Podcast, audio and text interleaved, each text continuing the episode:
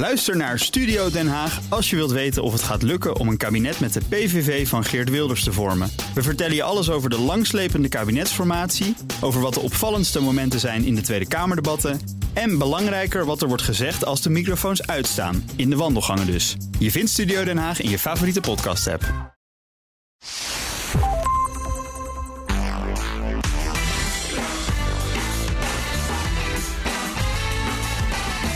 Je luistert naar de Ben Tichelaar podcast, de podcast van BNR Nieuwsradio over persoonlijke en professionele groei. Misschien droom jij ook wel eens van een eigen zaak. Heb een idee wat je graag aan de mens wilt brengen. Maar hoe word je ook echt een ondernemende ondernemer? Daar heeft Martijn Driessen uitgebreid promotieonderzoek naar gedaan. En hij is vandaag mijn gast. Welkom Martijn Driessen. Dankjewel. Voor we beginnen, eerst nog even dit. Deze podcast wordt mede mogelijk gemaakt door Nijrode Business Universiteit. Wil jij als leidinggevende, manager of ondernemer groeien in de materie van bedrijfskunde en management? En ben je op zoek naar een deeltijd executive MBA-opleiding? De MBA's van Nijrode Business Universiteit zijn zo ontworpen dat er altijd één aansluit bij jouw persoonlijke situatie en professionele doelen. Check nijrode.nl/slash MBA voor meer informatie en kies de MBA die het beste bij jou past. Zeg, jouw onderzoek heeft geleid tot een boek, De Ondernemende Ondernemer. Leer jezelf ontwikkelen tot een entrepreneur. En ook tot een instrument om je eigen ondernemerschap te meten. Nou, we gaan het daarover hebben met elkaar. Maar eerst wil ik wel eens even horen waarom jij nou door dit onderwerp zo gegrepen bent. Ik weet nog heel goed, ik was met mijn moeder in Griekenland, daar woonden we. Ja? Uh, ik was uh, met haar in een uh, kapperszaak. En toen voelde ik al van, oh, dit lijkt me wat. Niet zozeer om te knippen, maar om die zo'n zaak te hebben. Ja, dus een eigen zaak. En dat leek je als klein jongetje al leuk. Dat zat er in mijn hoofd. Ja, en dat heb je meegenomen. Toen ging je studeren. En toen? Nou ja, wat gek is, bij het studeren ging ik meer nadenken over waar wil ik eigenlijk werken. Want in de horeca word je opgeleid voor uh, het runnen van een hotel of uh, in een restaurant. En ondernemer kan, maar dat heeft eigenlijk nauwelijks aandacht. En toen merkte ik van ja, ik wil toch nog even doorstuderen. Dan heb ik in ieder geval ook uh, dat papiertje uh, in de zak. Ja. En dan zie ik daarna wel wat ik doe. En tijdens die studie, kopstudie bedrijfskunde bovenop de hotelschool, kwam uh, eigenlijk een vriend van mij en zegt: Joh, je kan ook bij mij afstuderen. Ik heb een adviesbureau in Praag. Wat je gaat doen, moet je zelf weten. Maar het lijkt me toch een mooie stad. Dus jij van, kom naar Praag. Ja. ja. En wat ben je daar gaan doen? Nou, toen ben ik naar naartoe gegaan. En toen zei ik van ja, maar ik wil wel iets doen waar jij wat aan hebt. Um, hij zegt, ja, ik bemiddel tussen financiers en ondernemers. Um, dat zijn vaak mensen uit het buitenland die daar in de opkomende markt, 1995, ja, hun slaatje willen slaan, om ja, willen ondernemen. Ja. En toen ben ik met hem meegegaan en heb ik heel veel gesprekken mee uh, gemaakt. Met ondernemers, met bankiers, met financiers, venture capitalists. Ja. Um, en ik vroeg op een gegeven moment van, ja, ik zie dat jij hè, schrijft ondernemingsplannen, je helpt bij de financiering. Maar hoe beoordeel je de ondernemer? Ja. Zei, ja, ik ga ervan uit dat ze ondernemer zijn, want daarvoor komen ze bij me. Oké. Okay. Dus jij stelt die vraag niet. Nee, hoef ik ook niet. Ik zeg, nou, dat lijkt mij wel. Ik zeg, want je geeft aan dat het steeds moeilijker wordt om een financiering rond te krijgen. Dus toen ging ik bij de banken vragen. En zei ze, ja, hoe doe je dat? Hoe beoordeel je nou ja. die ondernemer? Nou, zegt uh, een van die accountmanagers en eigenlijk allemaal... ja, buikgevoel. buikgevoel. Dat zie je. Ja, ja. Iemand komt binnen, die twinkeling in de ogen... en dan weet ik het eigenlijk al. En toen dacht jij bij jezelf... Nou, toen zei ik tegen hem van, nou, dat is heel interessant. Ik zeg, maar leg me dan uit van, als ik bij jullie kom werken... dan heb ik een dag lang een assessment. Dus je eigen beroepsgroep, dat zie je niet. Daar heb je een assessment voor nodig. Maar eigenlijk wat veel moeilijker is, wat je zelf niet bent, de ondernemer... heb jij zo binnen een seconde of een split van een second door. Dat is echt wel een heel goed punt, hè? Want dit is, ik hoorde bankiers al decennia zeggen. Het is buikgevoel, intuïtie. Maar je hebt helemaal gelijk. Als ze een collega moeten werven, zijn ze daar veel langer mee bezig. Hoe werd erop gereageerd op die observatie? Nou ja, toen zeiden ze van. Uh, nou, en dat is eigenlijk de echte reden. Het hoeft ook niet. Ja. Want ze hebben genoeg zekerheden. Dus die vent die kunnen ze niet goed beoordelen. Ze willen ook niet op de stoel van de psycholoog of de coach gaan zitten, want daar hebben ze geen verstand van. Ja. Dus zoeken ze het in zekerheden. Dat is echt heel interessant. Dus je zegt eigenlijk, daarom moet je ook als je als ondernemer bij de bank komt, moet je je huis en allerlei andere zaken moet je als zekerheid stellen. Ja. Eigenlijk omdat ja. dat assessen, dat goed inschatten van dat ondernemerschap van diegene aan de andere kant van de tafel, dat is eigenlijk gewoon iets wat heel moeilijk is. Dat was toen en dat is nu nog steeds. Ja. Jij bent het gaan onderzoeken. En toen kwam er dus eigenlijk uit dat er geen enkel instrument op dit moment is voor, voor was in ieder geval voor, was, ja. ja. precies, voor risico-inschatting. En we praten ja. 1995. Wat ben je gaan doen? Ik wil zelf ook ondernemer worden. Dus ik was ook heel erg benieuwd. Ja, waar, waar, waar bestaat het eigenlijk? Ben ik het zelf eigenlijk wel? Misschien ben ja. ik het wel helemaal niet. Ik wil het wel, maar ik ben het niet. Het zou kunnen. Dus daar ben ik mee aan de slag gegaan. En uh, die studie Ehm, die kon ik dus eh, bij de uh, Radboud Universiteit kon ik daar niet eigenlijk doen. Ze zeiden van ja, hier hebben wij geen kennis van. We hebben geen professor die jou kan begeleiden. Dus ga iets anders doen. Toen zei ik, ja, maar dat wil ik eigenlijk niet, want dit interesseert mij. Nou, toen mocht ik toch uiteindelijk, via via kwam ik bij een professor in Groningen. En die zei, nou, ik wil je best begeleiden als Radboud dat goed vindt. En als jouw begeleider dat goed vindt. Nou, die vond het allemaal fantastisch. Zeg, ja. ga, ga, je gang. Nou, en zo is het eigenlijk ontstaan dat ik een, een scriptie heb geschreven en toen zei mijn professor aan het eind, als ik jou was, zou ik ermee doorgaan. Ja. En toen zei ik, ja, dat wil ik ook. Hij zegt, ja, maar ik bedoel het als proefschrift, als promovendus. Ik denk dat je echt iets, iets bij de kant, bij de hand hebt waar je wat mee zou kunnen. Ja, ja. En ik zag veel meer de commerciële kant. Ik denk, ja, zoiets is er niet. En het zou er eigenlijk wel moeten zijn. hoe heb je dit aangepakt? We praten 1995. Toen ben je begonnen met het onderzoek te doen. Heb je een scriptie over gemaakt. Maar we zijn inmiddels wel een aantal jaren verder. Hè? Precies, ja. 26 jaar later. Ben je uiteindelijk gaan promoveren op dit onderwerp? Ik eh, ben gepromoveerd in 2005. Dus ik ben het daadwerkelijk gaan doen. Uh, maar het probleem met promoveren is... En is dat je eigenlijk eerst gepromoveerd moet zijn... en dat je dan pas de markt op kan. Ja. En ik had iets van, hey, zo'n instrument zou er moeten zijn. Een Kamer van Koophandel, uh, een brancheorganisatie, een accountant, um, een bank. Ja, die, die, kunnen daar wat mee. Ja. Die zouden dat moeten hebben. Ja. Uh, hoe heb je dat aangepakt? Ik bedoel, heb je dan uiteindelijk toch eerst je onderzoek gedaan en daarna er een instrument van gemaakt? Hoe is dat gegaan? Ik heb dat eigenlijk uh, omgedraaid. Ik heb gezegd, nou, ik ga sowieso die markt bewerken. Want ik snapte, als er iets er niet is, dan is er ook niet direct vraag naar. Dus dat moet je bewerken. Uh, die markt althans. Die vraag moet je oproepen. Aan de andere kant uh, ben ik ook gelijk gaan uh, promoveren. Het is toch eerst literatuuronderzoek. En gaandeweg zorg je ook voor data voor je onderzoek. Ja, maar dat heb je ook nodig. En dan liefst wel data exact. uit de praktijk. Dat is natuurlijk het mooiste. Ja. Zeg, je hebt een soort software tool dus uiteindelijk ontwikkeld. Hè? Je kunt nu, vertel eens even hoe werkt dat? Ja, het is uh, een, een software tool met verschillende uh, softwareproducten, waaronder ook een scan. Ja. En daar is het mee begonnen. En die scan meet dus hoe ondernemend je bent. En waar is er een vragenlijst of ja. kijkt die scan jou in de ogen? Hoe gaat dat precies? Ja. nog niet, het zou kunnen. Ja. Uh, nu is het nog een vragenlijst. en daar is natuurlijk meer dan twintig jaar aan gewerkt bijgeschaafd. Het was onderdeel van het proefschrift. Dus dat maakt dat de wetenschappelijke basis goed is. Ja. En dat het instrument ook valide is. Ja, en dan komt de praktijk. Want dat kan wel in de theorie zo zijn. Uiteindelijk moeten coaches, accountants, adviseurs moeten ermee werken. Ja. En, die en wat, zijn, wat, zijn, wat zijn de ervaringen daarmee? Want je bent inmiddels dus een flink aantal jaren verder. Ja. Dus dat instrument is inmiddels ook gevoed met heel veel gegevens. Je kunt dus ook bekijken of de ondernemers die jij zeg maar uiteindelijk nou ja, kwalificeert als laten we zeggen, voldoende goede ondernemers. Of die het ook inderdaad redden.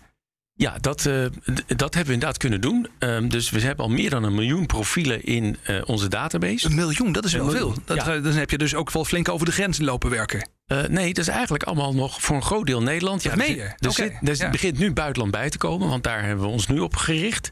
Mede ook door corona was het wel van ja, we moeten onze markt verbreden. Ja. Uh, dus we moeten ook naar andere markten gaan kijken. Uh, maar een grote deel dus Nederlandse ja. profielen. En dus ja. inmiddels dus uh, een miljoen profielen. Ja. Bizar. En wat komt eruit? Nou, wat er eigenlijk uitkomt is, um, wat heel fascinerend is, is dat er bij iedereen wel iets van ondernemerschap in zit. Oké. Okay. Een heel klein deel, hey, ja, daar zit er gewoon echt niet in. En dat, dat zie je ook gewoon echt terug. En eigenlijk weten ze dat ook wel. Maar ze willen dan toch even weten van ja, ben ik het, ben ik het echt niet? Ja. Maar mensen weten dat vaak al wel. En een heel klein deel is het ook echt. Als je kijkt gewoon naar alle competenties. Heb ja. je al die eigenschappen, kwaliteiten die je nodig hebt? Gaan we zo eventjes naar kijken wat die ja. competenties precies zijn. Maar je zegt dus eigenlijk, uiteindelijk ook voor de ondernemer zelf... kan het dus ook een bevestiging soms zijn van... nou ja, het past wel bij mij of het past niet bij mij om mijn eigen zaak te beginnen. Ja, wij zeggen niet of je wel of niet ondernemer bent. We zeggen alleen maar hoe ondernemend ben je.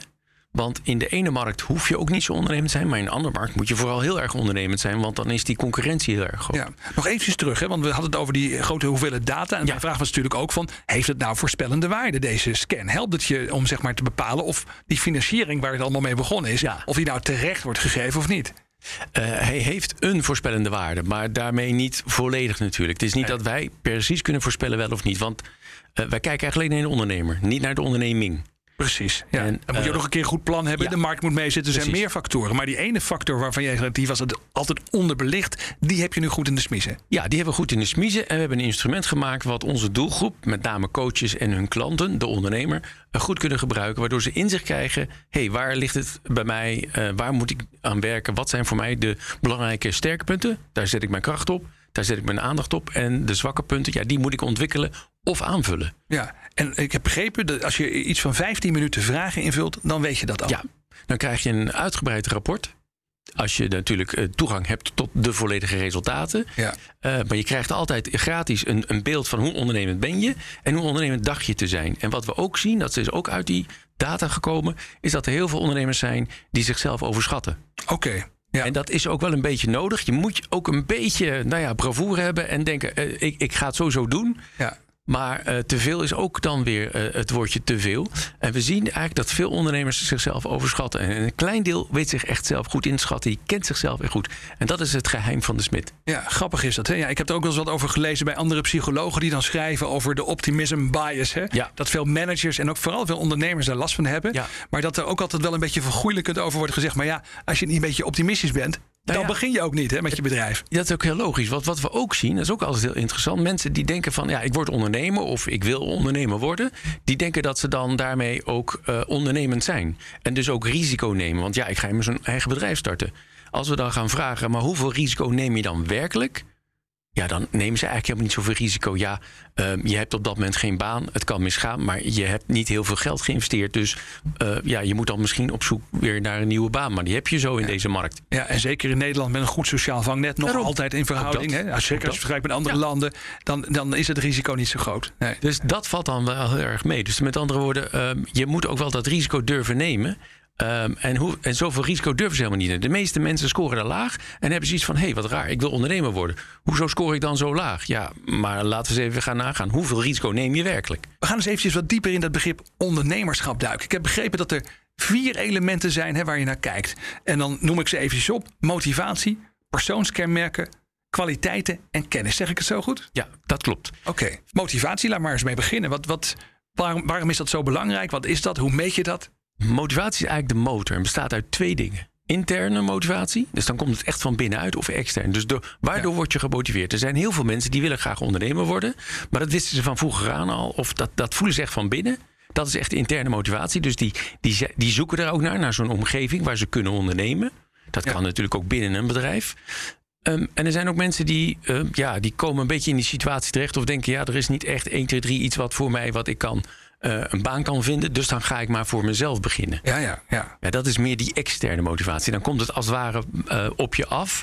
Ja, en dan moet je er misschien ook wel wat mee. Zeker wat oudere werknemers zien al snel. Ja, ik kan maar beter als zelfstandige gaan, want ik word anders niet aangenomen. ja, ja. Dus Nou ja, het is ook wel een beetje herkenbaar als ik even naar mezelf kijk. Ik wilde altijd graag schrijven en de journalistiek in en dat soort dingen doen. En op een gegeven moment kom je erachter, als je bijvoorbeeld je eigen boeken gaat uitgeven, dat dat, eh, nou ja, ieder geval interessanter is eh, Ja. als businessmodel dan wanneer andere mensen dat voor je doen.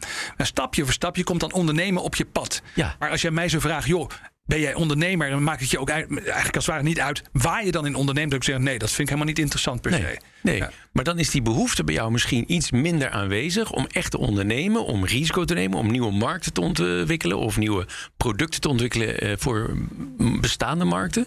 Eh, dus dan ben je echt meer met dat ondernemen bezig. En heel veel mensen die ehm, kunnen misschien iets heel goed en je zou dat als zelfstandige prima kunnen, maar hebben eigenlijk geen goed antwoord op de vraag: maar waarom wil ik dat als ondernemer? Ja, ja, precies. Ja, ja. En daar zit de motivatie. En ehm, de twee, of eigenlijk drie dingen die heel belangrijk zijn bij die interne motivatie, waarin je het kunt herkennen, is dat je dus ehm, een prestatiegericht bent. Dus dat je graag eh, doelen wil halen, dat je Ja. ambitieus bent, dat je meer wil eigenlijk dan je baas misschien zou willen. Dat je ook een grote mate van zelfstandigheid hebt. Dus dat je je eigen koers wil uitstippelen. En dat je Ja. je eigen keuzes wil maken. En niet dat anderen dat voor jou doen. En eh, ja, dominantie. Dat vindt men altijd een beetje. Ja, ik, niemand wil dominant zijn. Maar een beetje dominant is wel handig voor de ondernemer. Ja, ja, Dus je moet dus ook wel het lef hebben om tegen andere mensen te zeggen... nou, zou je het misschien zo willen aanpakken? ja, of eh, je de anderen eh, vertellen hoe ze het moeten doen. En slecht tegen kunnen als mensen hen vertellen wat ze moeten doen. Oké, ja. Nou, die zijn uitermate geschikt om ondernemer te worden. Maar dat wil niet zeggen dat ze daarmee succesvol zullen worden. Want ze hebben nee, meer nee, dingen. Het, is ook, maar het zijn meer dingen. Hè. We hebben gezegd motivatie, persoonskenmerken, kwaliteit en kennis. Dan gaan we naar die persoonskenmerken. Ja. Ehm, dat lijkt me wat lastiger te ontwikkelen. Eh, is wat lastiger, maar het is zeker mogelijk. En coaching heeft dat eh, bewezen, maar daar komen we misschien straks wel op.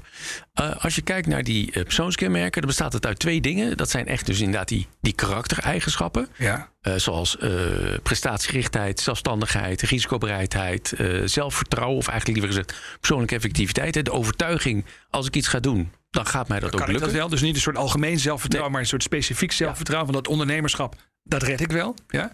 Ik ga iets nieuws doen en ik ben ervan overtuigd dat ik dat succesvol ga doen. Ja, ja, En, ja. en daar zit misschien die overschatting in, dat dat mag. Eh, als je maar wel op tijd ook eh, durft te reflecteren en zeggen: Oh ja, dat heb ik niet handig aangepakt, Oké, dat moet ik anders doen. Ja. Ehm, en dan heb je natuurlijk wat voor type ondernemer ben je. Want er zijn er die zijn zelfstandigen, eh, zijn heel goed in hun vak en doen dat zelfstandig uitvoeren. Ja. Dat zijn meer de, de vakmensen. Ja, nee, dat herken ik wel. Dat, Ja. zou, dat zou dan wat meer bij mij passen. Dat zou kunnen, zeggen. Ja, ja.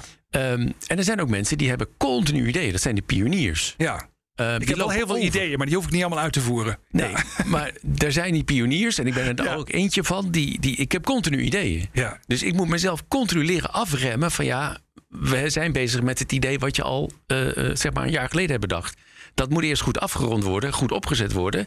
Eh, en op het moment dat dat loopt, ja, dan heb je weer ruimte eh, voor. Maar ja, soms gaan de markten zo snel, of de ontwikkeling, ja, dan, dan voel je, ja, ik, ja, hier moet ik iets mee. Ja. Ja. Dus we zijn nu bezig over die persoonskenmerken. Dus het, verzinnen, het goed kunnen verzinnen van al die ideeën, dat is wel een belangrijk element. Maar je moet jezelf dus ook kunnen afremmen op de goede momenten. ja, Er want- zijn allemaal dingen die zitten dan ook in dat instrument. Dat kun je meten. Ja, dat kun je meten. Dus, dus de type ondernemers zijn de pionier, de verkoper noemen wij dat dan. Eh dat wil niet zeggen dat je kunt verkopen, maar dat is meer de type ondernemer. De, de, Ja. Degene die op anderen afstapt, die mensen wil eh, blij maken, die eh, op zoek is naar van hé, hey, waar kan ik jou mee van dienst zijn? Ja? En, en dat is de ene kant van het spectrum. En aan de andere kant zijn die eh, managers, vakmensen.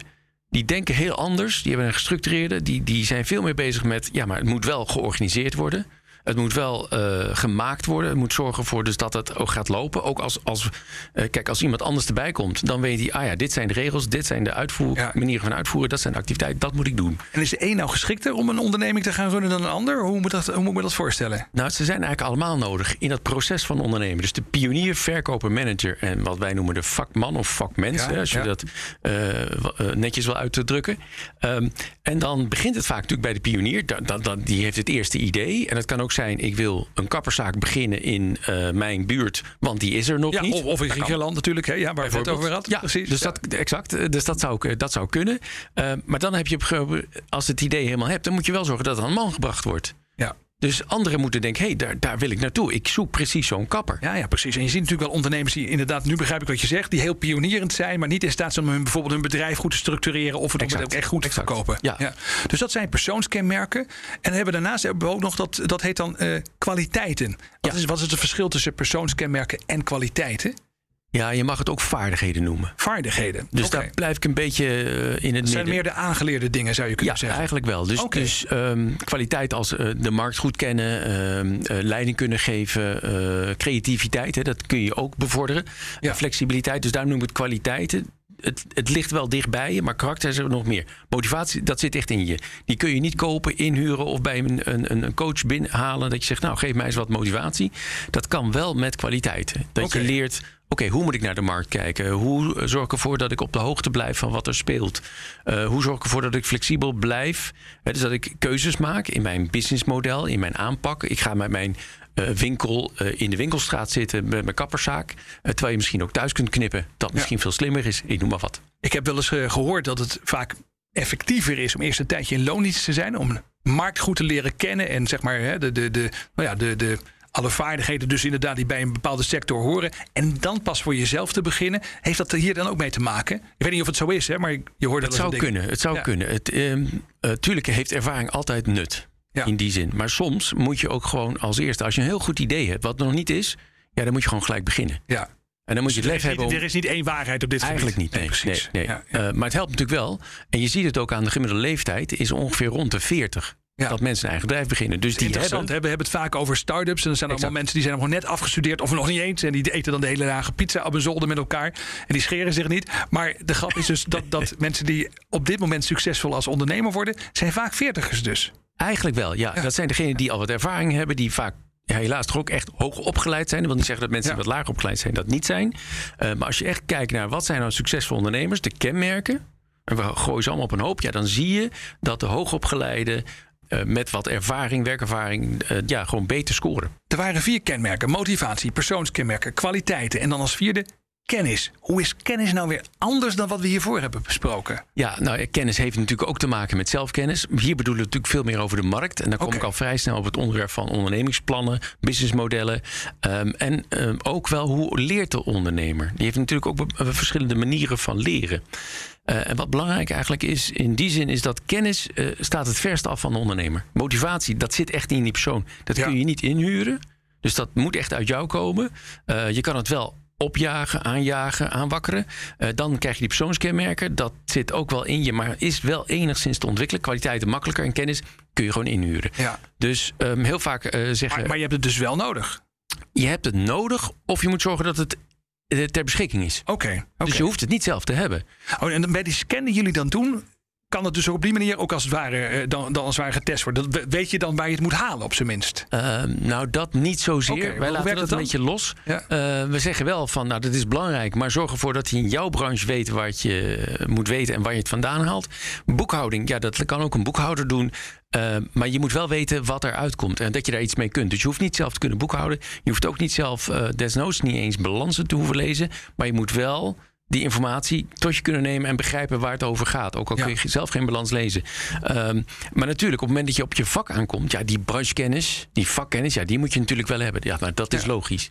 Ik kan me voorstellen dat je dan, als je het hebt over hoe eh, dichtbij iets bij een ondernemer zit en hoe onveranderbaar of veranderbaar dat is, dat er dus ook maar een paar knoppen zijn waar je misschien zelf als ondernemer aan kunt draaien. Wat, wat als ik nou denk, ik luister hiernaar en denk, oké, ja, ik wil eigenlijk toch heel graag dat eigen bedrijf. Wat zijn dingen die je kan doen om mezelf daar geschikter voor te maken?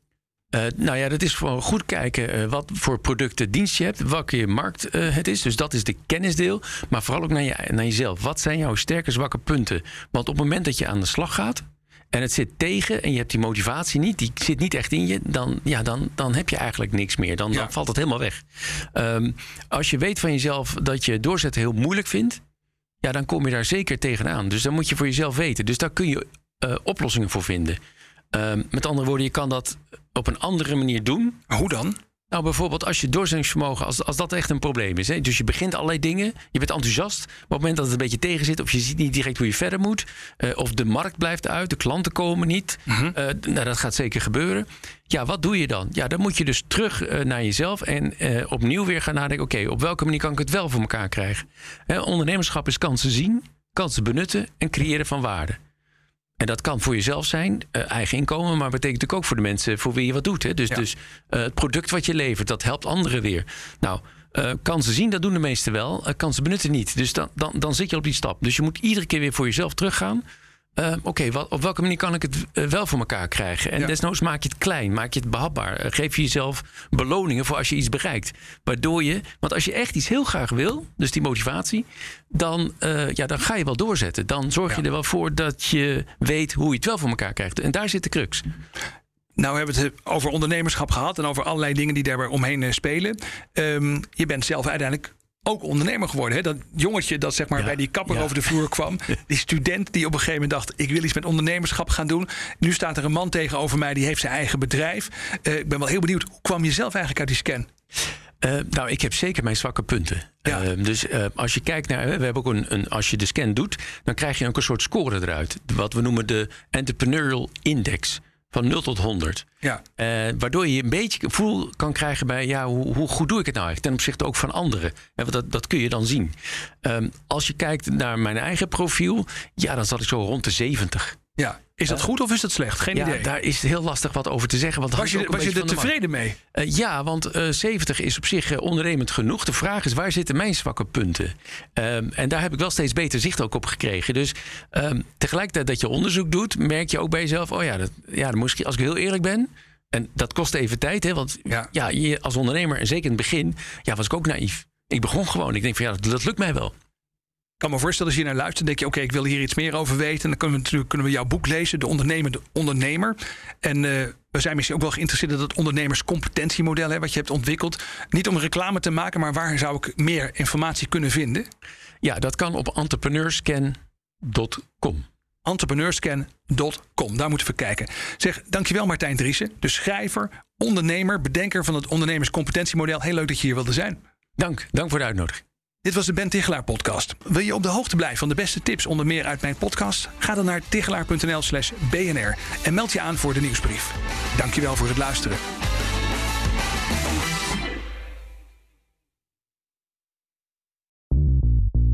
BNR ben je altijd als eerste op de hoogte van het laatste nieuws. Luister dagelijks live via internet. Bas van Werven. En heel langzaam komt de zon op rond dit tijdstip. Je krijgt inzicht in de dag die komt op BNR, het Binnenhof in Nederland en de rest van de wereld. De Ochtendspits. Voor de beste start van je werkdag. Blijf scherp en mis niets.